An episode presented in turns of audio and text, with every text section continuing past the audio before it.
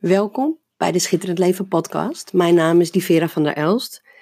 En ik breng een flinke verkoudheid met zich mee. Maar ja, je weet hoe het gaat, hè? de show must go on. Nou ja, must go on. Als ik me echt niet goed zou voelen, zou ik dit niet doen. Maar dit is het werk en dit zijn de dingen en dit zijn de momenten waar ik van geniet. Dus dan ben ik straks wel weer, uh, uh, heb ik weer ruimte voor mijn verkoudheid. En nu ben ik heel graag hier met jou. Er is niet genoeg. Dat is waar deze aflevering over gaat. En het is natuurlijk eigenlijk bullshit, hè?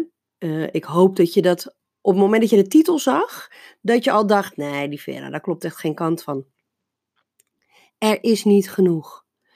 Maar als je kijkt, ik ga het eerst even lekker uh, globaal trekken en daarna op mijn eigen persoontje, want dat was eigenlijk de inspiratie voor deze aflevering. Maar als je kijkt, als je kijkt in de wereld naar het nieuws, naar hoe mensen spreken, naar um, uh, wat er in de bladen staat, eigenlijk waar de politiek over gaat.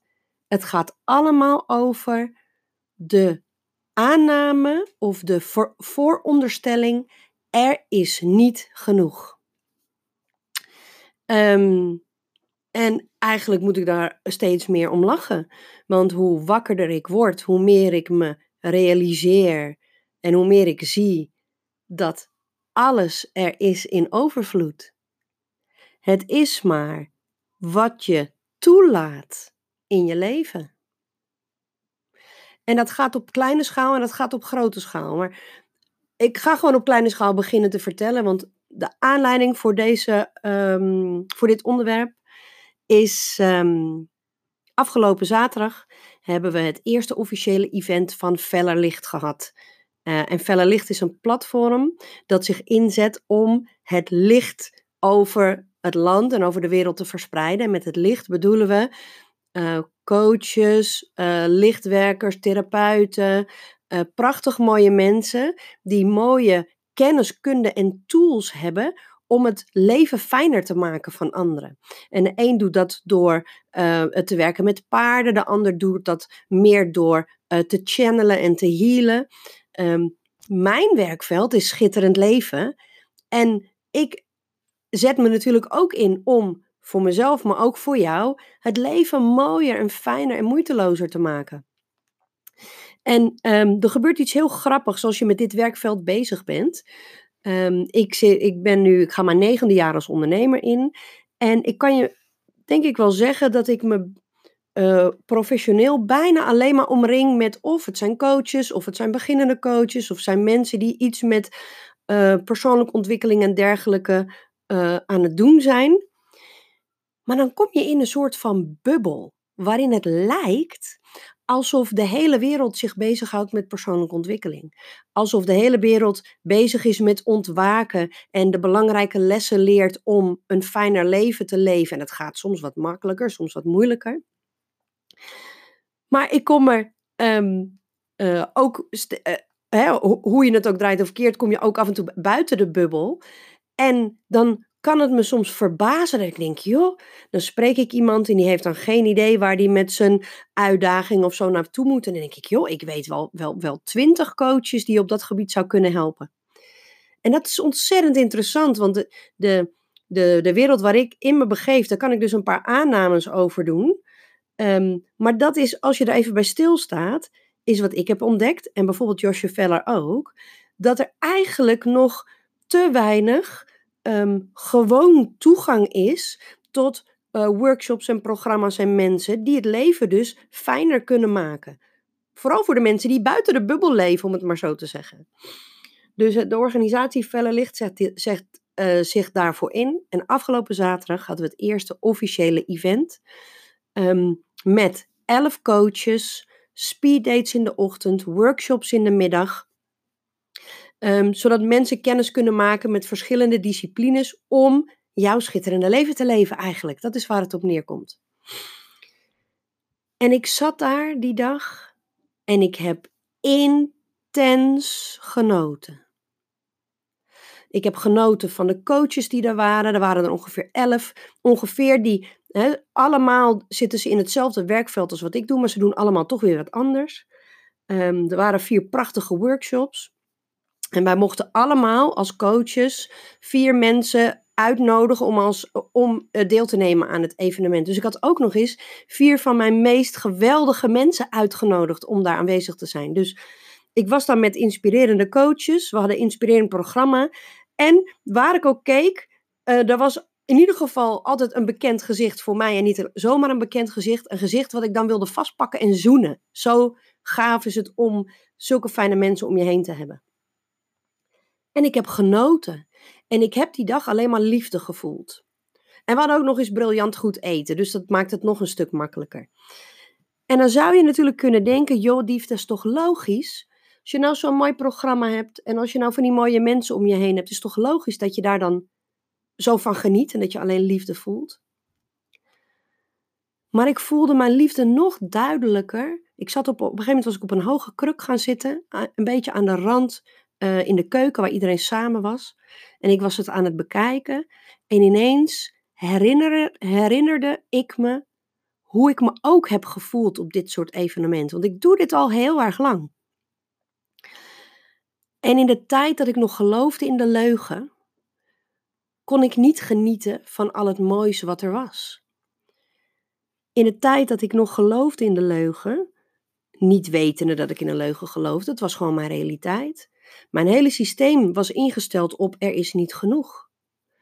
Dus dan was ik, hè, stel je voor je had mijn oude ik in deze situatie geplaatst dan had ik bijvoorbeeld nooit mijn vier beste, fijnste, dierbaarste vriendinnen, die, waarvan ik weet dat ze dit vakgebied omarmen en dragen, had ik die nooit durven uitnodigen. Ik was dan veel te bang geweest dat als ze er dan kwamen en mensen ontmoetten die veel leuker waren dan ik, dat ze dan niet meer bij mij wilden zijn. Dus dan had ik of geen mensen uitgenodigd of, of een soort van veilige afstand mensen uitgenodigd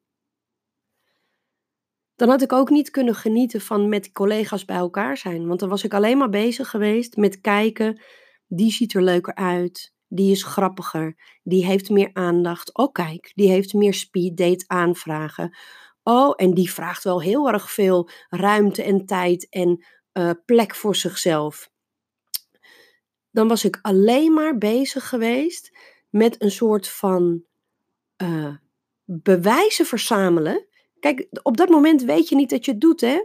Maar ik was op dat moment eigenlijk alleen maar bewijzen aan het verzamelen om mijn overtuiging te handhaven. Er is niet genoeg, kijk maar. Er is niet genoeg, kijk maar. Want zij praten allemaal met, met elkaar, maar niet met mij. Er is niet genoeg, want anders zou ik me toch niet zo rot voelen.